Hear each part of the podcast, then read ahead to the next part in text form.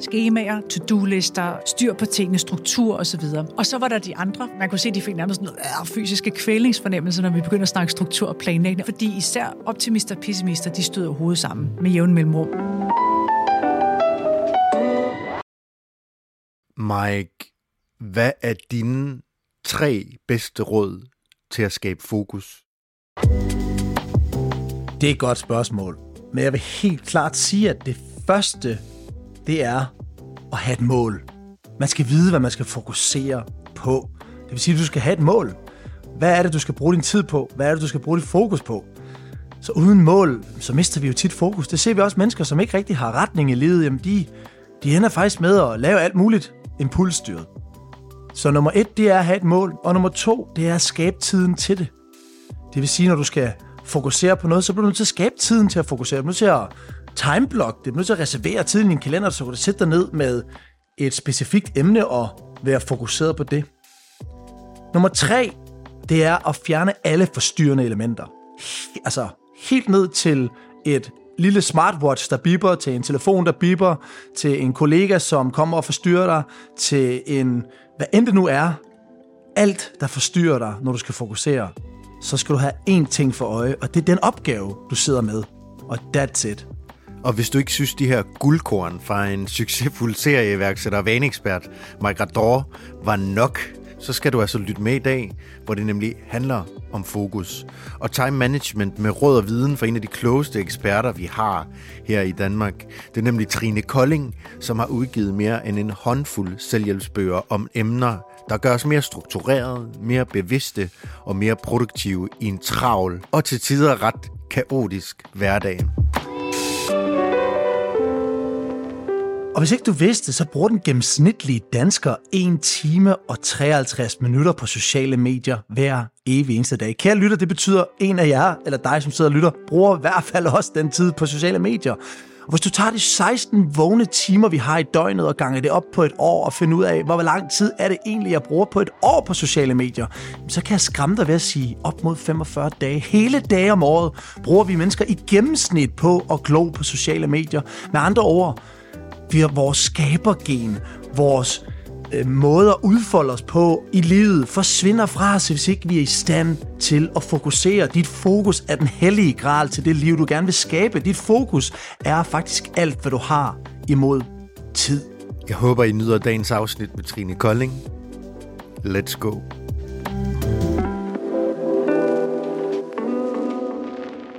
Vi skal starte med noget, der er meget vigtigt. Noget, der betyder noget. Fordi jeg synes, der er så mange podcast derude, der bliver sådan en lille smule ligegyldige. De kan sådan fluffe lidt. Mm. De kan sådan øh, koge lidt på et eller andet øh, mellemblus. Øhm, det skal vi ikke. Det skal vi ikke. Altså en af vores missioner, det er, at vi skal være tæt på de gæster, vi har med i studiet. Vi vil gerne lidt ind under huden på dem mens at, at dem, der lytter med, ligesom får de her hacks og de her værktøjer, som øh, giver dem viden til at komme videre. Men det behøver altså ikke at være kedeligt og tørt, når man gør det.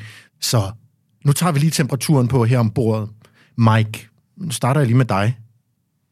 Hvad er den store idé, eller projekt, eller måske en virksomhed, du går rundt med i maven lige nu?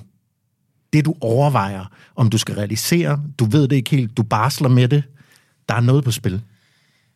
Ej, kan I mærke det? Jonas, han går også til stålet. Det er meget sjovt. Jamen, øhm, jeg havde lavet et forsøg, faktisk lige nu, i går, der lavede jeg en, en, en, en stor drejning på mine sociale medier. Og et stort projekt, jeg går med i maven lige nu, det er, jeg kunne godt tænke mig at komme ud på det engelsktalende marked. Øh, 6 millioner mennesker her i fantastiske Danmark, men 1,5 milliarder engelsktalende mennesker i verden. Så jeg gjorde faktisk det, at jeg skiftede hele min Instagram med 8.000 følgere til engelsk. Og det fejlede. Det fejlede. Jeg gjorde, jeg gjorde det så godt nok kun på en uge tid, men det, jeg havde brug for, det var at mærke, hvad, hvad, hvad sker der, når jeg bytter alt til engelsk. Prøv at få mine følgere med. Så et stort projekt, jeg går med i maven, jamen det er at, at, at lave en, en engelsk, øh, kan man sige, karakter. Det er jo selvfølgelig mig selv, men at lave en engelsk profil, hvor jeg kan komme ud til et større marked. Det, jeg fandt ud af, det er, at man må ikke, altså man skal ikke bytte sit sprog på den Instagram, man har startet fra roden af. Så et stort projekt, jeg går og tænker på, det er, skal jeg starte en ny Instagram? Som kun er på engelsk. Øhm. Og det er så fremad mod dit næste mål, som er at gerne vi ligesom ind på det marked. Ja, jeg kunne uh, godt tænke mig at blive, uh, blive thought leader i Europa, og uh, i Europa taler vi størstedelen af os også engelsk. Så det var det. Tak for det, Mike. Trine Kolding, nu kigger jeg over på dig. Nu har Mike ligesom sådan lagt ud. Jeg tænkte, det var en måde ligesom at sørge for, at uh, du blev nødt til at give et eller andet til bordet her, når jeg tvang Mike til at gøre det først. Men hvad er din næste øh, baby, det næste store projekt, som du ved er definerende for dig og for din karriere, øh, som du går og overvejer, eller tykker på, eller har gjort et, et stykke tid? Hmm, jeg kan godt mærke præcisionspresset efter det der med at være thought leader i Europa. Ikke? Altså, det er svært at komme efter. Øh, jeg tror ikke, jeg kan præstere så stor en baby. Nu har jeg efterhånden også født nogen igennem årene. Men øh, jeg har jo altid en ny bog i gang op i hovedet. Øh, og det har jeg også nu og har haft det i nogle år, og som er nok mere personlig end, end de forrige bøger. Øh, nu udgav jeg en ny sidste år, og jeg har lovet mig selv og min familie faktisk, at, øh, at vente lidt med at skrive. Øh, jeg bliver åbenbart sådan en forfattermonster, når jeg skriver. Lod min mand mig høre ved sidste bog her. Hvad betyder forfattermonster? Øh, det spurgte jeg også Først blev jeg meget fornærmet øh, og gik min vej, og så gik jeg tilbage for at spørge, hvad betyder det egentlig? Fordi jeg kunne godt fornemme, at det ikke var positivt. Og det han mente med det var, at jeg bliver simpelthen så hyperfokuseret, når jeg skriver. Jeg, jeg dedikerer jo sådan, jeg hiver typisk nogle måneder ud af kalenderen, hvor jeg ikke underviser, så sidder jeg hele arbejdsdagen og skriver. Og jeg elsker at skrive. Altså, jeg elsker at komme ind i det der flow. Det er, det er sådan nærmest øh, afhængighedsskabende.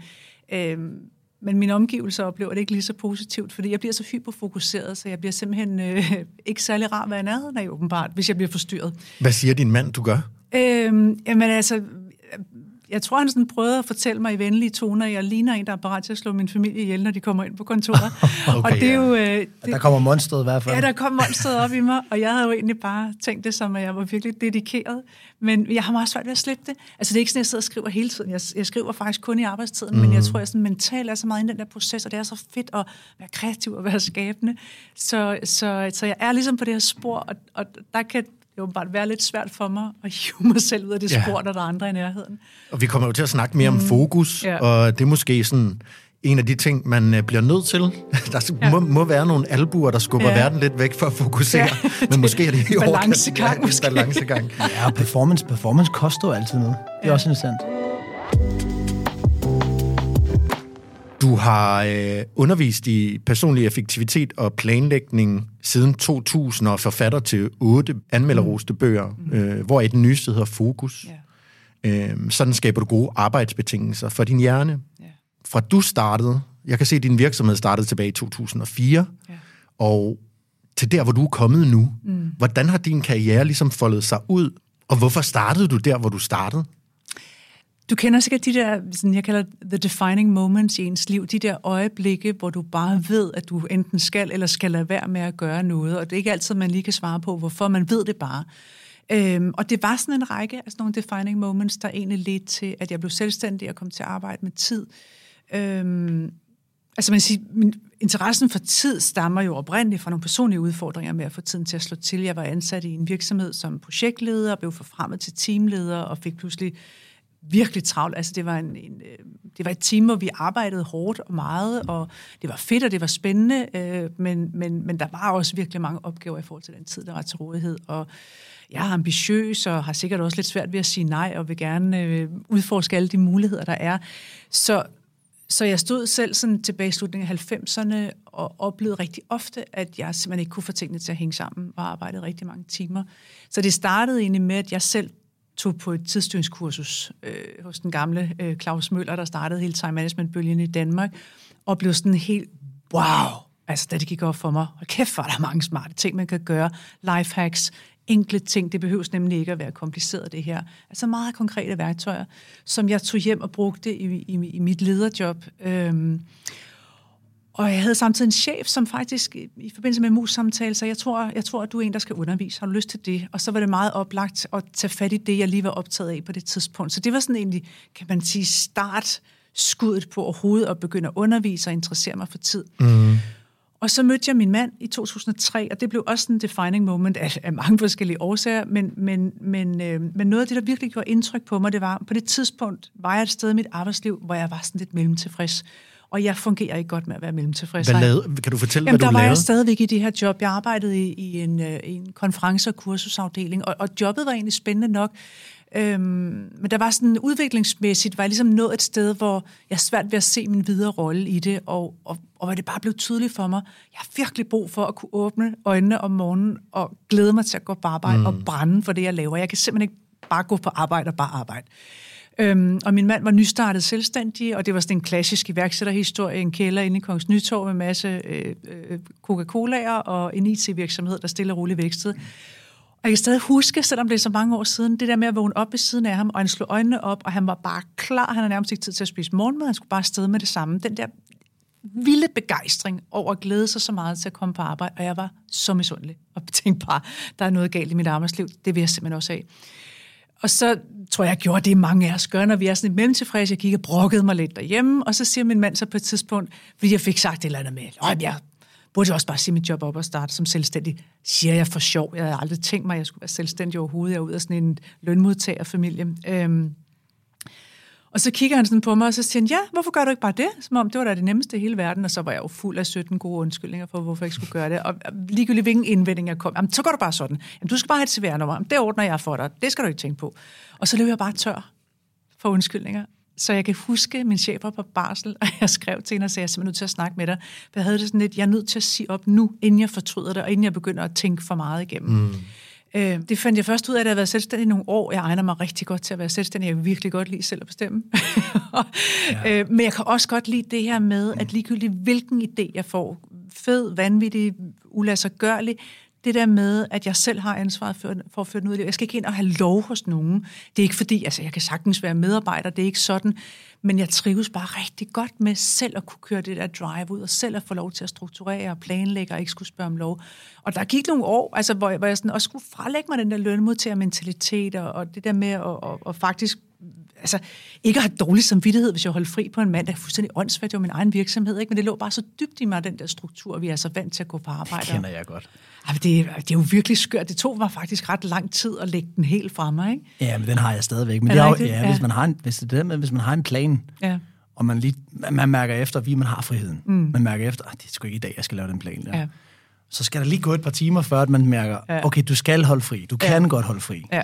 Kender du det? Ja, ja det gør jeg bestemt. Og det er jo sjovt, fordi mange, mange, der bliver selvstændige, gør det jo netop, fordi de godt kan lide den frihed, og godt kan lide fleksibiliteten, men glemmer egentlig at få udnyttet det, ikke? At Ja. man bare putter sig selv ind i en lønmodtagerkasse stadigvæk, så man ikke får alle de fede gevinster. Fordi der er jo fordele og ulemper ved alting. Det er der også ved at være selvstændig. Ulempen er jo klart i sådan en virksomhed som min, at der er ikke noget, der hedder at være syg. Altså man skal nærmest have åben kraniebrud eller 45 i feber, før du ikke møder op, ikke? Ellers så tager man to par og så kører man afsted og håber på, at det går alligevel, ikke? Mm. Men, men det der med at Altså, jeg, jeg tog så springet, og jeg har simpelthen aldrig i de 19 år, jeg har været selvstændig, jeg har ikke haft en eneste søvnløs nat, hvilket jo også er fantastisk. Men, men det viser også bare, at det var så rigtigt for mig at tage den beslutning. Mm. Øhm, og det har... Øhm, og, og så tror jeg, det kan jeg i hvert fald sige for mit eget vedkommende, selvfølgelig har der været en masse drive og passion, og jeg er rigtig god til at sætte mig mål, jeg er god til at hyperfokus, hvis jeg beslutter mig for noget, så er det det, jeg gør. Øhm, men der har jo også været nogle omstændigheder undervejs. Der har været nogle, både nogle heldige ting, nogle lykketræffer, møde de rigtige mennesker på de rigtige tidspunkter, mm. møde en i mit netværk, der i 2007 sagde, du skal skrive en bog, øh, vi vil gerne hyre dig til det. Øhm, så faktisk at, at få serveret lige ned i skødet, komme ind på det her forlag, skrive en bog, det er det, du skal. Ikke? Altså, som jo kom til at lægge en, en vej for mig også med, med, de, næste, med de næste syv bøger her. Ikke? Øhm. Hiring for your small business? If you're not looking for professionals on LinkedIn, you're looking in the wrong place. That's like looking for your car keys in a fish tank. LinkedIn helps you hire professionals you can't find anywhere else, even those who aren't actively searching for a new job but might be open to the perfect role. In a given month, over 70% of LinkedIn users don't even visit other leading job sites. So start looking in the right place. With LinkedIn, you can hire professionals like a professional. Post your free job on linkedin.com slash people today. Hold up. What was that? Boring. No flavor. That was as bad as those leftovers you ate all week. Kiki Palmer here, and it's time to say hello to something fresh and guilt-free. Hello Fresh. Jazz up dinner with pecan-crusted chicken or garlic butter shrimp scampi. Now that's music to my mouth. Hello Fresh. Let's get this dinner party started. Discover all the delicious possibilities at hellofresh.com. Nu sidder du jo på mange måder på toppen af den fødekæde, som du er en del af, hvis man snakker om tid og effektivitet, og hvis man siger, at det har du kæmpet for i cirka 20 år. Øhm, prøv lige at fortælle mig de første skridt, du ligesom tog for at få den forretning i gang. Fordi man kan sige, der er nogen, der kæmper derude i 10 år, uden mm. at rigtig få hul igennem i deres forretning. Ja. Øhm, hvad, hvad, hvad var det, du prøvede at skrue på til at starte med for at få hul igennem? Mm.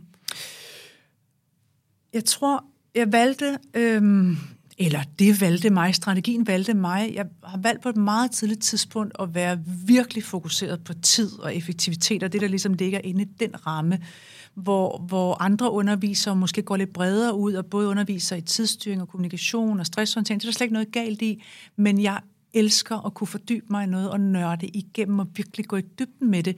Øhm, der, der er sikkert også noget temperament i det her, men, men jeg ret overbevist om, set i bagspejlet, at det, at jeg valgte at have en meget, vi kan kalde det snæver eller skarp profil, øh, gjorde noget rigtig godt for min virksomhed. Fordi da jeg startede, jeg havde undervist i det et par år, jeg var ansat på Teknologisk Institut, som er jo en stor kursusudbyder, og da jeg stopper derude, der valgte min chef at fortsætte med mig som underviser. Så nu, i stedet for at jeg var ansat derude, så hyrede de mig ind som ekstern. Så det var ikke, fordi jeg havde masser af opgaver. Jeg havde et par gigs om året gennem Teknologisk Institut, da jeg startede.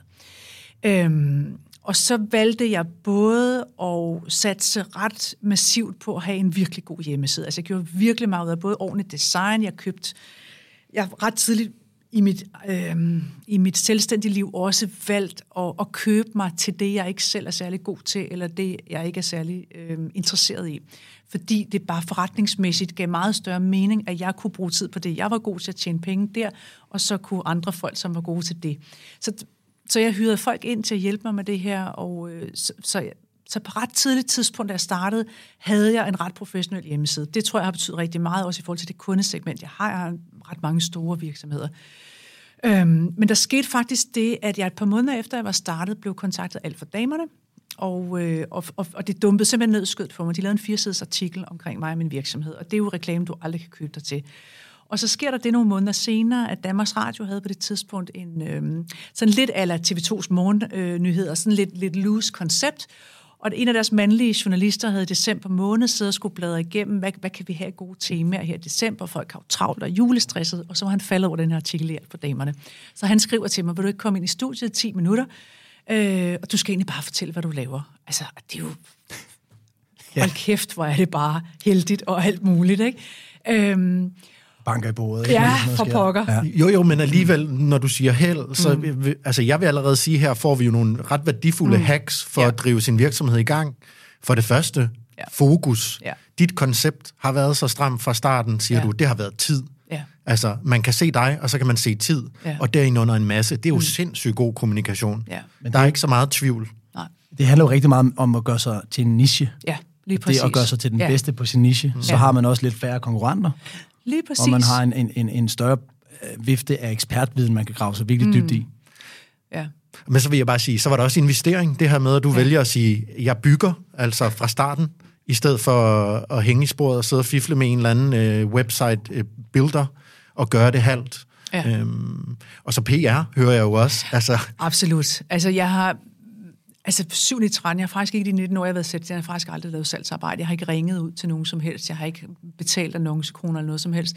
Og det tror jeg skyldes den strategi. Altså både det der med at få lavet noget ordentligt fra starten og være rimelig snæv, jeg har sagt nej til rigtig mange opgaver, hvor det kan være en kunde, hvor jeg har været ude at lave noget, hvor de siger bagefter, kan du ikke også holde stresshåndteringskursus? Så jeg sige, det kan jeg godt. Men nej tak. Jeg vil hellere have, at I finder en anden, der er virkelig dygtig til det her. Mm. Øhm, og det har givet på det, fordi det skaber jo også noget troværdighed rundt omkring. Ikke? Øhm, Ja, så, så, så når jeg siger, at jeg har været heldig, ja, selvfølgelig har der også ligget en masse portion flid i det, og, og en god strategi. Øhm, og så er der også noget omkring interesse, fordi jeg kunne jo sige, der er jo ikke noget galt med at brede sig ud. Det er der masser af mine kollegaer, der gør. Der er også flere af mine kollegaer, der siger, hvordan kan du holde ud og undervise det samme i, i så mange år? Det føler jeg jo ikke selv, jeg gør. Jeg synes jo hele tiden, jeg udvikler det med nye bøger og, og nye måder, og det er jo nye mennesker hver eneste gang også. Jeg kan bare godt lide det der med virkelig at kunne få lov til at, at nørde igennem. Jeg synes, det er fantastisk. Altså. Det er ja. det, jeg tænder på. Ikke? At det viser også bare det, du siger der, altså den gode klassiske med, at øh, hvis man virkelig godt kan tænke sig, så, tænke sig noget succes, mm. så skal man også forvente, at det er hårdt arbejde, der banker på døren. Ja. Øhm, og når det, når det så er sagt, så kunne jeg godt tænke mig at spørge noget, Trine. Mm. Øhm, og det er måske lidt kontroversielt, men det er også derfor, vi har den her podcast. At vi skal jo ind og se, hvad vi synes om ting. Ja. Øhm, jeg hører mange sige, at penge ikke... At man, altså, money doesn't give you happiness. At man kan ikke mm. købe sig til happiness. Mm. Hvad synes du om det? Hvad tænker du om det? og det elsker det spørgsmål. Og det minder mig faktisk om, jeg får lyst til lige at tilføje en ting mere, som, som øh, har fungeret godt for mig fra starten. Jeg, da jeg havde været selvstændig i to måneder, deltog jeg i et, øh, et netværksmøde. Det var noget, der hed Morgendagens Helt Inder for mange år siden, et kvindenetværk. Og øh, fem minutter ind i arrangementet møder Jytte. Øh, vi møder hinanden over et glas champagne. Det var ligesom der, vi søgte hen med det samme. Og vi har været øh, en kæmpe del af hinandens arbejdsliv lige siden. Vi har simpelthen været personalechefer for hinanden. Og øh, ud af de her 150 kvinder, vi var, der, vi skulle alle sammen komme med emner, vi gerne ville diskutere i løbet af dagen. Og Jytte og vi var enige om fra starten, vi, vi skal simpelthen blive bedre til at, at forhandle, vi skal blive bedre til at tjene penge. Og ud af de her 150 kvinder, der var vi otte, som synes, det her emne var relevant. Hvilket i sig selv, synes jeg faktisk er ret interessant, at der ikke er flere. Så vi sad otte mennesker og tænkte, hvordan kan vi tjene nogle flere penge? Og, øhm, og vi endte faktisk med at danne et netværk, vi kaldte Moneymakers. Vi mødtes en gang i kvartalet. Sådan. Og det eneste formål, det var at coache hinanden på at, at blive bedre til at tjene penge. Og Jytte, Jytte har sådan et meget fint citat omkring netop det der med, om, om penge gør en lykkelig. Så siger hun, ikke nødvendigvis, men de giver dig langt større frihed. Du kan bare noget mere, når du tjener nogle flere penge. Og jeg bliver ikke personligt mere lykkelig af at tjene mange penge, men jeg kan godt lide de muligheder, det giver mig den frihed, enten for at holde mere fri, eller hive noget tid ud til at skrive en bog, eller kunne investere mere i min virksomhed. Så nej, jeg tror ikke, det gør en lykkeligere, øhm, men, men det giver en nogle fede muligheder. Jeg synes, det gør en lykkeligere, hvis man ved, hvad man skal bruge dem til. Ja. Det, det er nok mm. der, den ligger, fordi mm, du snakker rigtig meget om frihed, og som iværksætter selv, mm. så er der været en grænse på et tidspunkt af, hvor mange penge, der skal til, før friheden er nok. Ja. Øh, får man så mange penge, man ikke ved, hvad man skal bruge dem til, så bruger man på alt muligt, man nok ikke bør. Ja. Men penge er jo et middel i Vesten mm. til at købe sig til frihed. Ja. Øhm, som du også nævnte i starten, at jamen, der var en masse ting, som du ikke var god til, eller ikke synes var interessant, jamen det mm. købte du dig til. Ja. Og det, øh, det har jeg virkelig taget til mig. Ja. Øhm, hvor jeg synes, også i Danmark, vi skal passe på med at sige, men lad nu være med at fokusere så meget på penge. Så mm. siger jeg, jamen det afhænger jo, hvad det er, du vil. Mm. Og hvis frihed er en af dine helt store øhm, kerneværdier Ja. i dit liv, så har du en metrik, og Ja. en metric, den hedder penge. Ja. Øh, Der vil jeg så også sige, at der er andre øh, måder at skabe sig frihed end penge. Bare lige. Altså, det, det kan man jo godt, ikke? Altså, man kan jo trække sig lidt mere fra, hvad kan man sige, øh, almindelige strukturer. Man kan skrue ned for sit forbrug. Man kan gøre sig øh, uafhængig på andre måder. Det vil jeg bare lige sige. Det var bare en indskudsætning. Jeg er jo, jeg er jo nok hippien her i... Jamen, det er jo derfor, jeg tog den frem. Det er jo derfor, jeg tog den frem. Jeg synes, det, jeg synes, det er interessant. Ja, ja. Og, og det, jeg tror, jeg prøver at sige, det er, at jamen, altså, hvis, man, hvis man virkelig gerne vil brage dig ud af, jamen, så lad være med at være bange for at tjene Ja, penge. ja. Bare vid, hvad, du, hvad du skal bruge dem til. Men det er, jeg enormt interessant pointe, og, og jeg stødte jo allerede kort tid inde i mit liv som selvstændig ind i nogle udfordringer omkring det her med økonomi og penge, fordi jeg i et netværk, vi, der var en kvinde, der skrev ud, øh, jeg skal til at undervise, og jeg ved ikke, hvad man tager for en workshop, hvad, hvad tager I andre? Så skrev folk ind til hende, nogen vil gøre det gratis for at få en fod indenfor, og nogen vil tage... Og, og det var alt sammen anonymt, og hun lavede så en opsamling på, hvor på skalaen øh, vi lå henne. Og jeg var så ubetinget den, der tog den højeste løn, og det var altså ikke, fordi det var meget. Det var 15.000 for en dag tilbage i 2004, så, altså, så var det heller ikke vildere. Og der blev jeg simpelthen mødt af sådan en, en, en, øh, en storm i, øh, i kommentarsporet, fordi hun offentliggjorde det her, ikke med vores navne, bare med, med nogen vil gøre det gratis, og en vil tage 15.000. Og der var simpelthen nogen, der skrev, hvem kan finde på at tage 15.000 for en hel dag? Og hun undergraver det for os andre, og jeg sad fuldstændig lamslået tilbage og tænkte, hvad?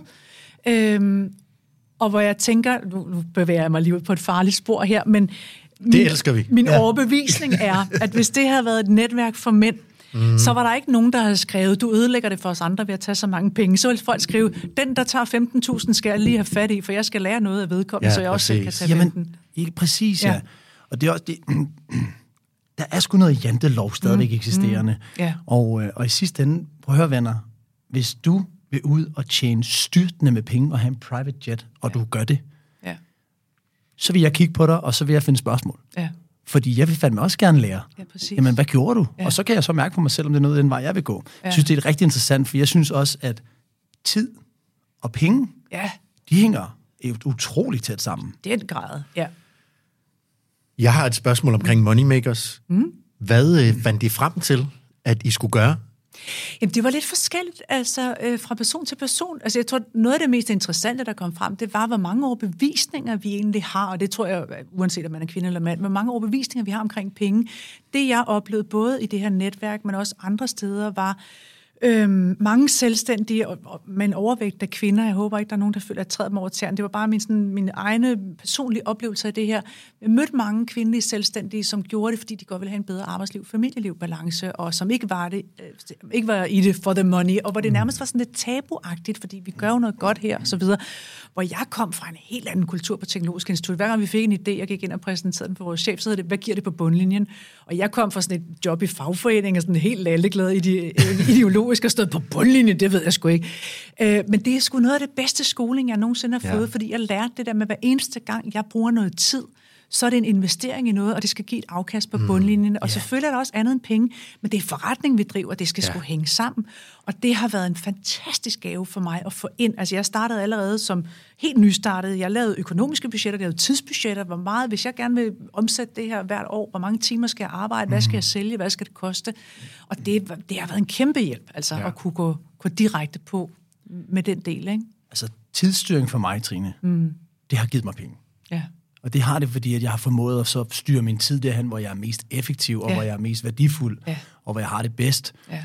Og det er også det, jeg tror, der er rigtig vigtigt for alle lytter ud at forstå. Jamen, det er, når man virkelig begynder at forstå det, forhåbentlig så kommer vi ind under nogle konkrete redskaber. Det ved jeg, vi gør, Jonas og Trine.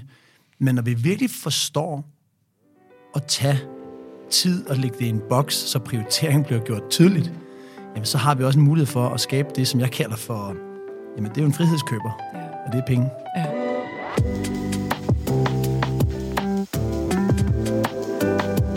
Hvis vi skal ind i din verden og din forretning, øh, Trine, og sådan være med i din løbende optimering, din succes, øhm, så jeg vil bare lige starte med igen så at opsummere. Altså, du er forfatter til otte bøger på, ja, det er de sidste 13-14 år. Mm. Øhm, du har udgivet Fokus, din seneste bog, for et år siden. Du har også lige lavet nogle samtalekort, der hedder Small Talk, Big Questions, mm. med, med fokus på fokus. Yeah, yeah. øhm, du holder fem-seks forskellige slags foredrag på mellem halvanden til tre timers varighed. Du øh, er gået sammen med Center for Ledelse om at udvikle et kursus baseret på fokus. Du underviser. Du rådgiver virksomheder som konsulent. Og du coacher one-on-one. Mm. Jamen altså, det er jo helt vildt. Altså, sådan, man kan jo næsten blive stresset. Der fik du, der fik du altså kål på hippien. Ja, det er sådan. Ja, men uh, Mike, nu kender jeg også dig godt. Jeg ved godt, det sidder du altså ikke og laver nede i Marbella. Ej, det, det har du kommer altså, sandhederne så, frem. så skulle du have 60 timer i døgnet for at få det der for hånden. Det er jeg ked af, gamle. Det er undervurdering, gamle. det er jeg sgu ked af. Men, men faktisk, så grunden til, at jeg øh, nævner det her, det er jo fordi, at det, åbenlyse spørgsmål for mig, at dine organiseringsprincipper mm. og dine principper for at øhm, vurdere, hvad du skal i løbet af din dag. Mm. Altså nu har vi snakket lidt om, at der er noget, der hedder follow the money på mm. en eller anden måde for at skabe frihed. Men prøv lige at tage mig med ned i din organisering af din forretning og dine forskellige spor. Det, det synes jeg er ret spændende. Ja, øhm, hvor skal vi starte henne? Altså, hvis vi starter på sådan helt lavpraktiske, konkrete plan omkring, hvordan jeg organiserer min dag. Jeg, øhm, jeg typen, skriver rigtig meget ned, og det er simpelthen for at huske ting. Og fordi, at jeg øh, har så mange arrangementer rundt omkring i hele landet, typisk er min kalender booket sådan 6-9 måneder frem, Øhm, og det er jo mange forskellige typer af kunder, øh, og tit kører jeg som nu efter det her, øh, efter den her podcast, så kører jeg videre til Fyn og videre til Jylland og har et par arrangementer der. Så jeg har virkelig brug for at kunne holde styr på alle detaljer. Jeg har ikke en assistent, der tager over. Det bliver simpelthen for bøvløst. Der skal være et led mellem, mellem mig og kunderne øh, i forhold til den måde, jeg arbejder på.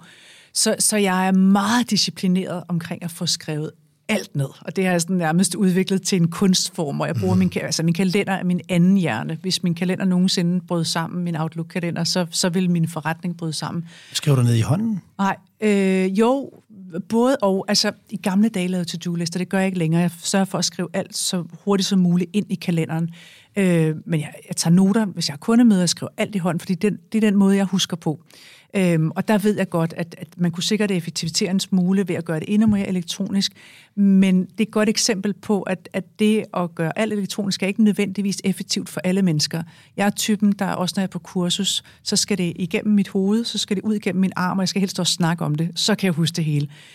Øhm, så så øh, kalenderen er elektronisk, men, men masser af håndskrevne noter. Er du synkroniseret hele vejen rundt? Altså kan du have din... Øh, du har hele din synkroniserede verden, så alt bare blipper ind Ja. samme sted. Ja. Ja, ja, og det er ikke min fortjeneste. Det er, fordi jeg er gift med en IT-mand, og vi har på 20. år en diskussion om, hvorvidt man skal være analog eller digital. Så det er hans los bag i min Ja. ja. mås, der gør, at alt er synkroniseret. Helt sikkert. Hvordan, ja, det synes jeg, hvordan vælger du så? For jeg husker, jeg husker Gary Kellers sætning.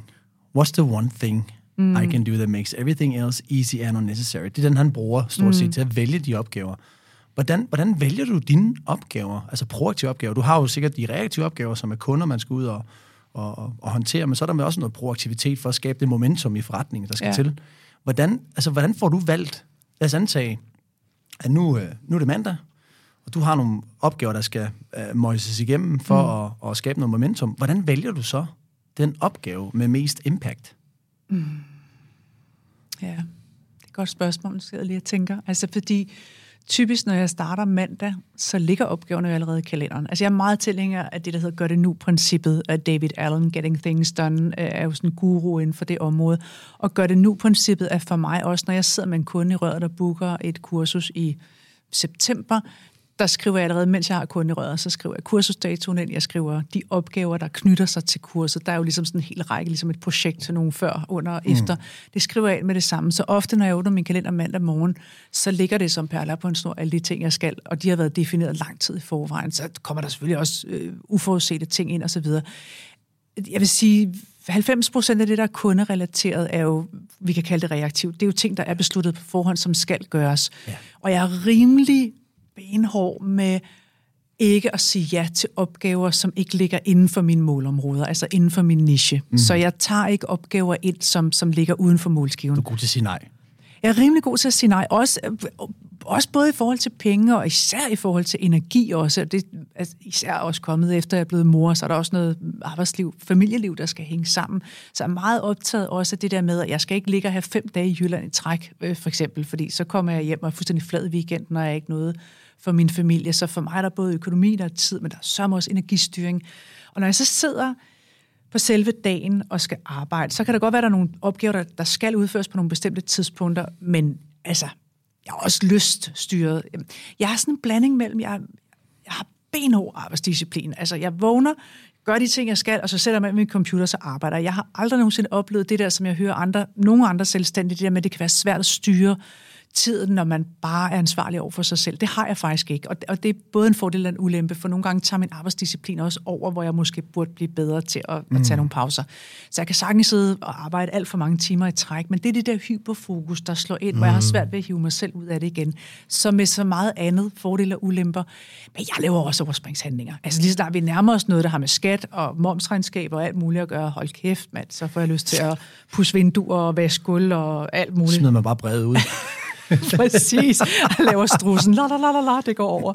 Har, har du nogle af de her vaner og strategier, som er, når alt andet så ligesom smuldrer, mm. eller når der ikke er tid til det, men som ligesom er fallback, og sige, det skal du ligesom have styr på i din hverdag. Noget, du skal gøre.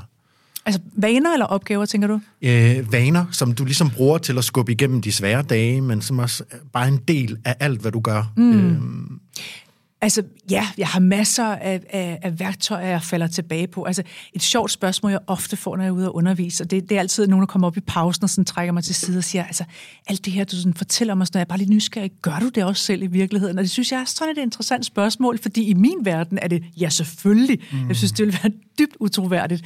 Øh, jeg synes, der er en kæmpe stor forpligtelse til, når man kalder sig selv ekspert øh, inden for noget at skrive bøger og lever af og formidle det, så synes jeg sgu også, man har en stor forpligtelse til selv at gøre det, og i i hvert fald hele tiden at gøre et forsøg på det. Og min hverdag, nu nævnte du alle de ting, jeg har gang i, og det er ikke, fordi jeg arbejder 80 timer om ugen, det gør jeg virkelig ikke. Men det kan kun hænge sammen, fordi jeg selv bruger alle de værktøjer, jeg står og underviser i. Og mange af dem har jeg jo udviklet også, når jeg har stået i kaos. Da jeg fik tvillinger, vi fik sådan en model, der aldrig sov øh, om natten de første tre år. Ikke? At, at det bliver man virkelig øh, udfordret af. Ikke? Så, så jeg har, altså, selvom jeg er god til at planlægge og strukturere, der er jo ikke nogen af os, der kan planlægge os ud af, af hverdagens udfordringer. Så selvfølgelig er der en gang imellem, hvor det hele det bare vælter, så er der sygdom, der skælder en uforudset. Øhm, og, og, og det er meget lavpraktisk, det der, men jeg kan også blive ramt af sådan, hvor jeg lige mister overblikket, og hader at miste overblikket. Det er min tidstype, og, og manglende overblik hænger ikke så godt sammen. Kunne jeg godt have sagt så det bliver jeg sådan rimelig udfordret af, men jeg har også lært, at det er der, hvor jeg skal lave en timeout. Det er der, hvor jeg virkelig lige skal slukke computeren, trække vejret dybt, måske lige meditere lidt, gå en tur, mm. et eller andet.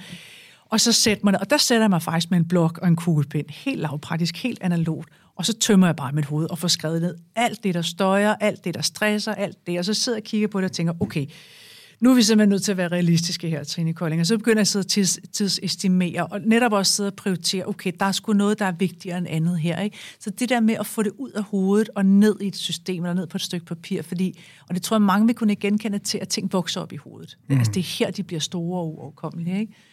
Øhm, og jeg synes, det er langt nemmere. Jeg kan se det, når jeg sidder med det på et stykke papir, så kan jeg meget hurtigt se, hvad kan jeg skrotte her? Hvor er det, jeg skal ringe til en kunde og sige, jeg er ked af det. Jeg, jeg kommer til at udskyde, jeg er lige ramt af det sygdom eller et eller andet, ikke? og det har folk jo forståelse for. Så og, og det er jo super lavpraktisk. Øhm, det bliver man nødt til en gang imellem, tænker jeg. Hvordan gør du det, for eksempel?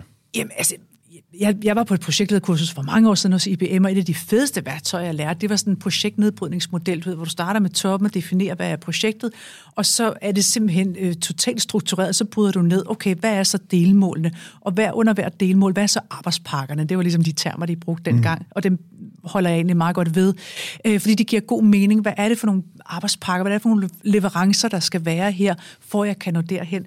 Også fordi i den proces, der, der bliver jeg nødt til at blive meget konkret på. Så bliver det ikke bare et eller andet, jeg godt tænke mig at skrive en bog om.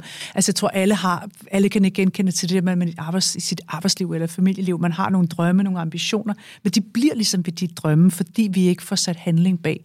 Og det er det, jeg synes, nedbrydning er så godt til egentlig at blive meget specifik på, hvis jeg skal derhen, hvad skal der så til? Og man skal blive ved og ved og ved, indtil du er nede i så små kan man sige, pakker, så du kan begynde at lægge dem ind i kalenderen. Mm. Så, så, så de store projekter og drømme, jeg har, de er jo lagt ind i kalenderen, så de ligger der, så jeg, de er synlige hele tiden. Ikke? Men hvad gør, du, hvad, hvad gør du så? Hvad gør du så, når du... Øh, for det har jeg oplevet tit selv. Mm. Så har der sgu været et projekt, og så har jeg ikke vidst. Jeg har ikke vidst, at jeg ikke kendt svaret. Det måske været uden for mine, mm. øh, uden for mine erfaringer og færdigheder. Ja. Møder du nogle gange det, hvor du så tænker, det kan være et projekt, hvor du så, jamen det, det ved jeg ikke lige helt præcis, hvordan man gør? Ja, hvad ja, ja, for søren. Hvad, hvad gør du så der? Så går jeg ud og finder de mennesker, der kan hjælpe mig med det. Jeg er meget optaget af netværk, altså jeg, og, og det er jo også sådan, jeg har skrevet de fleste af mine bøger, det er ved at gå ud og snakke med folk, der ved en masse om det, øh, og finde ud af, altså hacke deres hjerne. Hvordan kan jeg lære det her? Hvad skal der til for? Eller købe mig hjælp til det.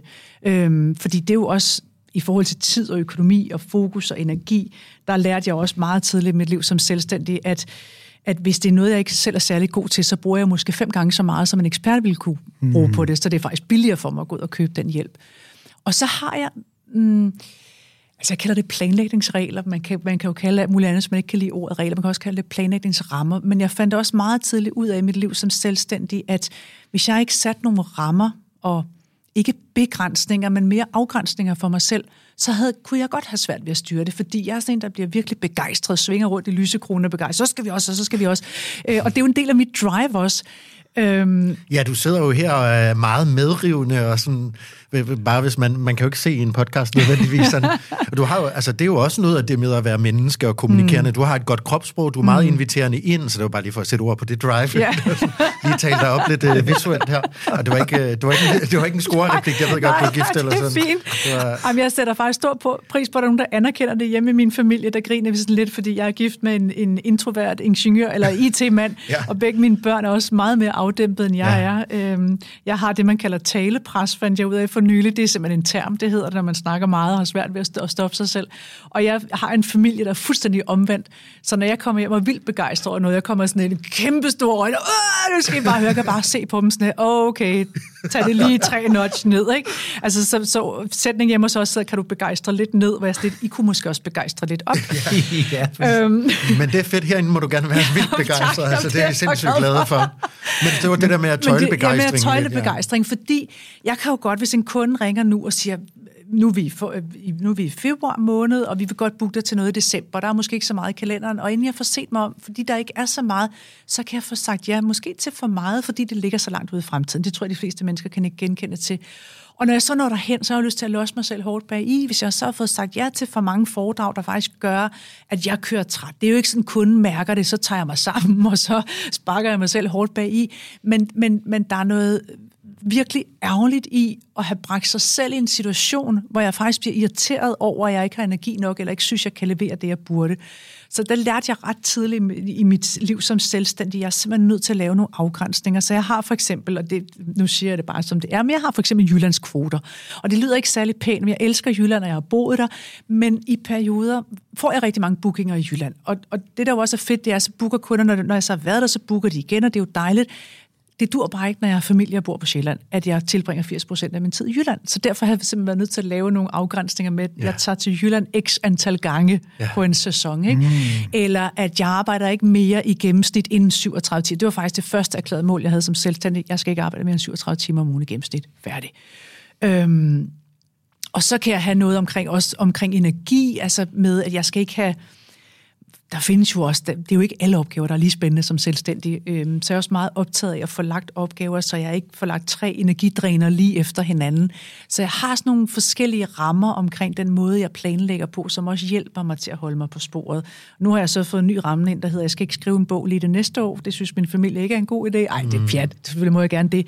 Men, men, men der er noget omkring at få styret mig selv lidt i det her, så jeg ikke kører mig selv ud over kanten. Ikke? Men hvordan vælger du? Jeg, det, fordi det er jo et hack, som jeg virkelig står mm. og mangler. Så nu, nu vil jeg gerne have, at Trine triller poletten ned i, uh, i min intelligens. Ja, så er du jukeboxen. Så, ja, så spiller vi sammen. Derovre, Trine. Så, må øhm, så hvordan, vælger, altså, hvordan vælger du den rigtige, altså, den rigtige opgave? For jeg sidder, jeg sidder jo og coacher dygtige mennesker, og, øhm, og jeg har givet dem en metode, som virker fint, men som nørd, så synes vi aldrig, at ting virker perfekt. Sådan er det jo. Vi graver ja. efter hele tiden optimeringen. Ja. Jeg er meget fan af også at være kreativ mm. i ens arbejde, så jeg kan tænke ud af boksen. Ja. Så det vil sige, hvis jeg, ligger, hvis jeg får et stort projekt, og jeg brækker det ned i mål, så, så, kan jeg godt blive, så kan jeg godt blive for rigid. Ja. Og så under, under den rejse i projektet, så er jeg blevet klogere. Ja. Så nytter det ikke noget, jeg har en løsning for min intelligens for fire uger siden, hvis jeg nu er blevet mere intelligent. Ja. Så derfor så kan jeg godt lige have det lidt åbent, og så stille mig selv nogle spørgsmål, for ja. at sikre mig, at når jeg skal til at gå til makronerne med det her projekt, den aktivitet, det vil sige projektet, den handling, der skal til, hvordan vælger du så den handling? Jeg tror, det der med at alliere sig med de rigtige mennesker for at finde... Altså, der er nogle af tingene, hvor jeg udmærket godt ved, hvad det er, jeg skal gøre. Så kan der være noget, der er kedeligt, som jeg ikke gider at gøre, og så må jeg tage mig sammen.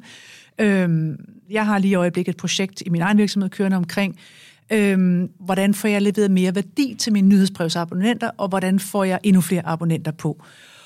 Og, og den har jeg gået sådan lidt du ved, katten om den varme grød i et stykke tid, hvor det, hvor det går op for mig. Det er simpelthen fordi, at det ikke er et ekspertiseområde for mig. Altså, og, og den tekniske del omkring, hvordan får du flere følgere ind på din hjemmeside og alt det der, det interesserer mig dybest set heller ikke. Jeg interesserer mig for mennesker, jeg interesserer mig ikke for teknik. Og, og der gik lidt tid, inden det gik op for mig, at det var det, der afholdt mig fra egentlig at komme videre med det her. Øhm, og den rigtige handling for mig der var så med det samme gå ud og finde ud af, hvem kan noget omkring det her, hvem er mm. ekspert, og alliere mig med, og ham har jeg så møde med nu her på fredag. Og det er den aktivitet, der kommer til at bringe mig videre, fordi allerede det første møde, jeg havde med ham, så nævnte han syv ting, hvor jeg tænkte, hold da kæft, hvorfor har jeg ikke selv tænkt på det? Men det er jo fordi, han er ekspert på det. Og det, der tror jeg, altså netop det der med at få skabt effekt og værdi, for det er jo også det, jeg er optaget af med tidsstyring, det er, hvordan kan du med, øhm, med jeg får lyst til at sige, mindst mulig effekt, skabe størst mulig afkast, ikke? Mm. Og det handler jo også om at vide, kende dine egne styrker og, og også dine egne svagheder, og være god til at gå ud og hente hjælp ind der, hvor der er brug for det. Så for at gøre det konkret, det var ret godt det der, Trine, mm. så for at gøre, gøre det konkret, det vil sige, når du sætter dig ned med et projekt, mm. jamen så for at spise det så langt ned, du overhovedet kan, og så ja. identificere ja. ret hurtigt, ja. hvor er jeg vildt passioneret, ja. hvor er jeg vildt dygtig. Ja. Det skal jeg gøre selv. Ja. Hvor er det, jeg sidder og klør mig selv lidt i håret, og ved, ved ikke, hvordan jeg skal komme i gang? Ud og finde knowledge. Ja, lige præcis. Sådan. Ja. Tak. Selv tak. hey, I'm Ryan Reynolds. Recently, I asked Mint Mobile's legal team if big wireless companies are allowed to raise prices due to inflation. They said yes. And then when I asked if raising prices technically violates those onerous two-year contracts, they said, what the f*** are you talking about, you insane Hollywood ass?" So to recap, we're cutting the price of Mint Unlimited from $30 a month to just $15 a month. Give it a try at mintmobile.com slash switch. $45 up front for three months plus taxes and fees. Promo rate for new customers for limited time. Unlimited more than 40 gigabytes per month. Slows. Full terms at mintmobile.com. Hiring for your small business? If you're not looking for professionals on LinkedIn, you're looking in the wrong place. That's like looking for your car keys in a fish tank. LinkedIn helps you hire professionals you can't find anywhere else, even those who aren't actively searching for a new job but might be open to the perfect role. In a given month, over 70% of LinkedIn users don't even visit other leading job sites. So start looking in the right place. With LinkedIn, you can hire professionals like a professional. Post your free job on linkedin.com slash people today.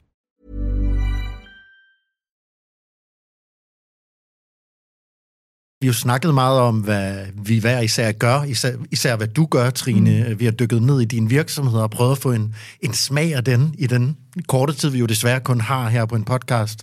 Mike, og du har også kommet med nogle indspark for din hverdag. Du har også skrevet en bog om vaner, mm. så øh, du er jo også en, en kapacitet på det område. Men jeg tænker sådan, nu vil vi gerne konkretisere det. Mm de her værktøjer, de her hacks, og øhm, jeg har ligesom lavet en trætrinsraket, ja. jeg synes, vi skal prøve at bevæge os igennem. Den første del i trætrinsraketten af de her værktøjer, det handler om tidstyper og, og planlægning, kan man sige. Ja. Den anden del, det handler om afbrydelser, og den tredje del handler om fokus. Fedt. Så, øh, og det er jo perfekt, fordi øh, for hver af de her emner, der, er jo, der kan man gå ud og købe en af dine bøger, hvis man vil have mere. Ikke? Så, Så, og Trine sidder og smiler hele femøren alle sammen. Ja. og jeg vil bare, hvis vi starter med det her med øh, tidstype, fordi mm. det er noget, jeg virkelig kan mærke øh, faktisk, måske næsten lidt af tabu-emne også for mig. Jeg har altid været typen, og er stadig typen, der arbejder lige til deadline. Ja. Jeg øh, kan få virkelig meget fokus om aftenen, mm. nogle gange om natten. Jeg kan være sådan helt nede i zonen. Der kan jeg have tre timers fokus sessions. Ja. Ikke? Ja. Øhm, men det rykker også lidt i mig, fordi at jeg skammer mig lidt. Over hvad? Ikke at komme tidligt op, og ikke følge det normaliserede mønster. Jeg føler, der også er et pres på mig for at effektivisere, mm. og for at være ligesom alle andre, og for ligesom at få blive den person, der står op klokken 6, holder fri klokken 3 og har været fuldstændig effektiv. Ja. Øhm, men jeg arbejder ret godt i det andet flow. Mm. Øhm, så det er hele tiden en kamp med mig. Ja. Og det er faktisk sådan lidt, det er jo lidt personligt også på en måde, fordi mm. så kan man gå rundt og skamme sig lidt over, at man ikke kommer op, selvom man måske har lavet mere, end øh, hvis ja. man kommer op. Ja. Hvad for en, tids, hvad for en tidstype øh, person er jeg? Kan du, kan, du, kan du svare mig på det? Altså, jeg tænker, der står tidsoptimist skrevet med store øh, bogstaver hen over hovedet på dig, ja. i hvert fald ud fra det, du fortæller her.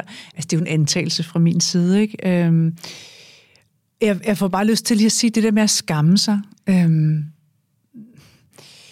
hvor er det egentlig ærgerligt, at vi har så snævert et normalitetsbegreb.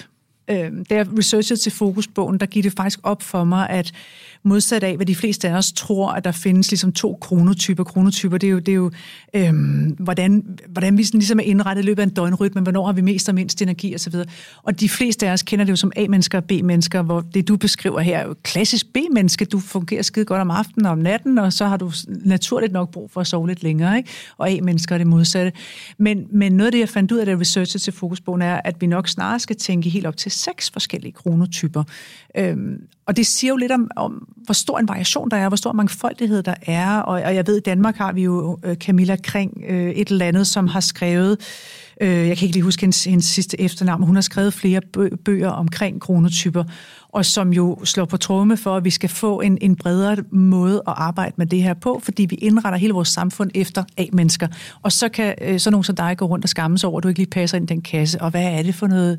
Jeg synes, det er virkelig ærgerligt, Ja. fordi at du garanteret er hammerne effektiv og vildt fokuseret, som du også beskriver. Hvis du kan sidde tre timer og være fokuseret, det er jo fantastisk. Ja. Det er jo langt jeg, over, jeg hvad når jo forskningen... min mål, og jeg føler, Ja. at øh, jeg gør det, jeg skal. Ja. Jeg gør det bare på den forkerte måde. Ja, Ikke? ja. Øhm, hvad siger du? Forkerte i gode Ja, Ja, lige, i lige præcis, ja. ikke? for jeg får sådan lyst til at, at, at, at, skubbe til det der normalitetsbegreb, mm. ikke? fordi hvem har vedtaget det, og hvorfor skal det være så, så firkantet, så snævert? Altså man kan sige, en af de gode ting, corona har bragt med sig, det er, at vi har fået øjnene op for, at der er flere forskellige måder at arbejde på, end den klassiske med at slå røven i sædet øh, og sidde på en arbejdsplads rent fysisk. Ikke? Mm. Så jeg tænker jo egentlig bare, at du har fat i den lange ende, fordi du er ret bevidst om, hvordan du arbejder. Så, så jeg vil sådan ønske, at vi kunne tage den der skam og, og, og smide den ud til siden, ikke? og vi kunne, vi kunne blive lidt bedre til at anerkende, at der er forskellige måder at gøre det her på. med hele tidstype-universet begyndte jeg jo at udvikle for efterhånden mange år siden, fordi det netop meget apropos det, du siger her, blev ret tydeligt. Hver eneste gang, jeg var ude og undervise i planlægning, så mødte jeg meget modsatrettet øh, holdninger og reaktioner på det at planlægge. Der var dem, der elskede planlægning. Uh, lad os få nogle flere lister, struktur og schema. Ja, det er en type. Planlæggerne. Det, det er typiske realisterne. De kan rigtig godt, det pessimister også. Skemaer, øh, to-do-lister, øh, styr på tingene, struktur osv., Øhm, og så var der de andre, man kunne se, at de fik nærmest noget øh, fysiske kvælningsfornemmelser, når vi begynder at snakke struktur og planlægning. Og det er det der med at miste sin spontanitet og, og, og kreativitet osv. Og, så og, og, og der får du så at sige, det er jo også en antagelse, fordi ved vi med sikkerhed, at det at strukturere faktisk fjerner din spontanitet, det, det kunne jeg godt tænke mig lige at vende tilbage til bagefter. Men men så stødte jeg på ordet tidsoptimist og tænkte, det er faktisk et ret fedt ord, for det, det, det forklarer egentlig meget tydeligt, altså tidsoptimister, det her med at være meget optimistisk, hvad angår tid, det når vi nok. Der er masser af tid, og de laver jo typisk ting i sidste øjeblik. Mange af dem tænder faktisk på at lave ting meget, meget tæt på deadline. Adrenalin, du. Lige præcis. Bye. Og den der, altså, den der oplevelse af faktisk at, at, at fungere og være high performer, når du er så tæt på deadline, øhm, det er jo også en helt reel ting, fordi du får sprøjtet masser af ekstra adrenalin ud i systemet, så du får jo tilført nogle ekstra ressourcer det er bare sådan, at dine omgivelser, hvis de ikke er samme tidstype, ikke har samme begejstring over ja, at lave ting i sidste øjeblik. Ikke? Og så begyndte jeg sådan stille og roligt at udvikle, og så var det bare naturligt at kalde det realister og pessimister, så jeg brugte faktisk ret meget tid, flere år på at, at dykke ned i det her. Der lå jo ikke noget i forvejen. Det er et univers, jeg har udviklet, øhm, og interviewe folk og, og observere både i coaching og i kursussammenhæng og så videre, for ligesom at få etableret det her univers, fordi Udover at det er en lidt anderledes, også en lidt sjov måde at tale om tid, og, og hvorfor vi nogle gange har svært ved at arbejde sammen, så tilbyder det jo også en ramme at arbejde indenfor. Det bliver langt nemmere at tale om de forskelligheder, vi har, både i vores arbejdsliv og familieliv, fordi især optimister og pessimister, de støder hovedet sammen mm. med jævn mellemrum. Jeg ved, det er personlig erfaring fra mit eget familieliv. Mm. Altså, vi diskuterer jo på 20 år, om man skal være i lufthavnen et kvarter før eller tre timer før, ikke? Og min mand er hvad skal vi lave tre timer før? Jamen, jeg skal bare sidde tæt på gaten med en kop kaffe i hånden og holde øje med, at de ikke flytter den, ikke? Det er det, jeg laver derude tre timer før. Og jeg kan godt høre, det er åndssvagt, men jeg får stress, hvis vi... Altså, jeg ja. har prøvet at løbe gennem en lufthavn med mit efternavn råbt ud, og det gør, det gør ikke mig begejstret, må jeg bare sige. øhm, men, men altså, så bare lige, jeg vil bare ja. lige have dem helt optimist. Ja, optimister. Realister. Det, realister, tidsrealister og tidspessimister. Ja. ja. Og optimister tager kun fem minutter, vi når det nok, der er masser af tid, de har i sagens natur et meget afslappet forhold til tid. Øh, det, er ikke, altså, det er ikke, fordi de ikke kan blive stresset, men de har en større stresstolerance, end de andre tidstyper har. Realister, de godt lide, der er styr på tingene, vi har planlagt det, der er lister, skemaer mm. osv., øh, og pessimister, det er dem, altså de har altid den der sådan lille nervøsitet og angst for, kan vi nu nå det? Har vi nu afsat tid nok? Og det er så interessant, fordi vi har sådan en tendens til, vi ser jo verden gennem vores eget, øh, eget sæt af briller, og så har vi jo en tendens til at putte folk ned i nogle kasser og label det, ikke? Og, og vi, og vi, altså vi, øh, vi dømmer jo tit folk ud for deres for den måde, vi tolker deres adfærd, stedet for at forstå intentionerne bag. Så når tidsoptimister endnu en gang kommer i sidste øjeblik eller for sent til et møde, så kan du se realister og pessimister, de sidder med korslagte arme og ben og tapper i bordet og tænker, hvor svært kan det være at komme til tiden. Ikke? Men samtidig er det jo også realisterne, og især pessimisterne, der når vi når slutningen af mødet, så begynder de jo at blive urolige, fordi de har allerede set på uret, at vi skal slutte om fem minutter, og de er mentalt allerede ved at tjekke ud på vej videre til det ja. næste møde. Og det er jo lige så stressende for en optimist, der sidder faktisk og er super engageret og til stede i nuet, at de andre er ved at tjekke ud, fordi ja. de skal videre til det næste. Ikke? Og, og, og hvor realister og pessimister nogle gange kan, kan lave en tolkning omkring tidspessimister, eller undskyld, optimister, at det er sådan nogle øh, mennesker, der er disrespektfulde over for andres mm. tid, og de er ustrukturerede, dogne, dogne, ja. ja, præcis, lige præcis. Og det er jo sådan nogle rigtig negative ord, vi får sat på andre mennesker. Jeg har sgu aldrig mødt en optimist, der vågner op mandag morgen og tænker, hvordan kan jeg pisse mest muligt på andres tid? Altså, Nej. det er simpelthen ikke det, der er intentionen. Det betyder jo ikke, at man har carte blanche til bare at gøre, hvad det passer en, men at forstå, at når en optimist kommer i sidste øjeblik, så er det fordi, de blev opslugt af noget andet, og tænker, jeg behøver sikkert sidde i mødelokalet et kvarter før mødet starter. Men også at forstå, når en, når en pessimist for eksempel siger, jeg tror ikke, vi kan nå det her projekt, har I ikke overvejet, at det og det kan gå galt, så vil især optimisterne have en tendens til at label dem som, om det er sådan nogle negative nej-siger, mm. men nej har den trukket helt ned over ørerne. Og det er det jo heller ikke. Men hvad kan vi bruge det til at kende os selv, uanset om vi er pessimister, øh, optimister eller realister? Hvad, mm. kan man, hvad er udviklingspotentialet, når man så kender sin type bedre? Kæmpestort. Altså, der er jo både det at forstå, hvad er mine forser som tidsrealist for eksempel? eksempel. Hvad er det, jeg er dygtig til? Men vi har jo også altid nogle, nogle udviklingspotentialer. Jeg er for eksempel, jeg er selv tidsrealist med, med et lille strejf af pessimisme, hvis du spørger mig. Og hvis du spørger min mand, som er yber tidsoptimist, så vil han jo sige, at det er en kæmpe op, ja, så tænker- tidspessimist. Så tænker han på lufthavnen med det samme. Præcis, fordi ja. vi, altså, vi, vi skubber jo også til hinanden, og man påvirker hinanden, og så bliver jeg måske lidt mere pessimist, når jeg skal noget sammen med ham. Jeg er god til struktur, jeg er god til planlægning, jeg er god til at tidsestimere, jeg har også trænet det i rigtig mange år. Jeg er ikke så god til at være til stede i nuet, fordi jeg altid lige har et ben ude i fremtiden og tænker, så skal vi også huske. Det er jo en fordel i rigtig mange situationer, men det er jo også en ulempe, Det er at så meget mig. Det er også dig, ja. Det er så meget mig, det der. Trine, vi er så ens, tror jeg. Ja, øhm, men så kender du sikkert også det her med, at nogle gange kan det også være lidt irriterende, at man faktisk har svært ved at være til stede i nuet. 100%. Øhm, fordi jeg får ikke altid nyt det. Altså, jeg, der er lige en masse ting, jeg skal, inden jeg kan nå derhen, hvor jeg kan slappe af og give Mhm. slip. Og det er jo også irriterende for de optimister, jeg er sammen med. Ikke? Fordi det er sådan lidt, hey, nu er vi lige her, kan du ikke bare være til stede? Ikke? Så, og, og det ved jeg, det er mit udviklingspotentiale. Det arbejder jeg stenhårdt på at blive bedre til. Men vi kan også bruge det ind i vores planlægning. Hvis jeg nu for eksempel er tidsoptimist, så gælder det jo om at trække på alle de fede fordele, der er ved at være optimist. Og selvfølgelig arbejde med udviklingspotentialerne, men også vide, at når jeg er optimist, så er der nok en tendens til, at jeg altid undervurderer, hvor lang tid opgaverne tager. Så, så kunne det jo for eksempel være, at mit udviklingspotentiale skulle være at øve mig i at tidsestimere, eller måske bare have i baghovedet, jeg skal altid lige i gang med 50 procent ja. eller et eller andet, så sidder den i skabet. Ikke? Ja. Øhm, men jeg tror meget på det her med, jeg, tænker tit tidstyperne er sådan nogle knapper, man kan skrue op og ned for. Nu sidder vi i et studie med fader, øh, og, og det der med en gang imellem, så er der jo brug for, at vi skruer helt op for optimismen. Altså hvis jeg sidder i et brainstorming-møde, idéudvikling, projektopstart, så er der brug for, at jeg kan hoppe lidt over i optimistens rolle og, mm. og, og tænke i muligheder, inden jeg begynder at tænke planlægning. Andre gange, hvis det er virkelig pinedød nødvendigt, vi er færdige på en bestemt dato, det er måske der, man skal hive pessimisten ind og sige, her er de 10 ting, der kan gå galt. Ikke? Så man skal bruge rollerne i de rigtige rammer. Lige præcis, og, og, og, og, og jeg, altså det er jo min personlige holdning. Jeg synes jo også, man har et ansvar for hele tiden at blive ved med at udvikle sig. Altså det der med bare at læne sig tilbage og sige, sådan en er jeg, lev med det. Øh, det kan man selvfølgelig godt gøre. Jeg tror bare, at der kommer nogle federe muligheder ud, når vi selv arbejder med også at dygtiggøre os inden for nogle ting, der er svære for os. Ikke? Vi lever i en kultur, hvor fokus bliver trukket fra os. Digitale ja. medier, travlhed. Mm-hmm. Vi skal alt muligt meget mere ja. hele tiden. Hvordan abstraherer vi fra nogle af de ting? Er der nogle øh, af de her hacks, eller nogle af de her ting, man kan sige ret konkret? Nu tager du fat på meget konkret tings overspringshandlinger, fordi det er det, vi kalder selvforskyldte afbrydelser, ikke? hvor man ender med at afbryde sig selv af, af forskellige årsager. Ja. Altså, jeg, omkring overspringshandlinger anbefaler jeg altid, at man starter med at finde ud af, hvad er årsagen til, at vi laver overspringshandlinger. Mm. Fordi der er altid en underliggende grund til det. Nogle gange er det, fordi opgaven er kedelig, nogle gange er det, fordi vi ikke har kompetencer, nogle gange kan der være noget konfliktskyhed omkring det. Altså, og vi er nødt til at finde ud af, hvorfor gør vi det? Fordi der er jo rigtig mange strategier, man kan benytte sig af for at, jeg kalder det at snyde hjernen i gang, men det der med at få tingene gjort, men vi er bare nødt til at kende den underliggende årsag for at finde den rette strategi. Mm.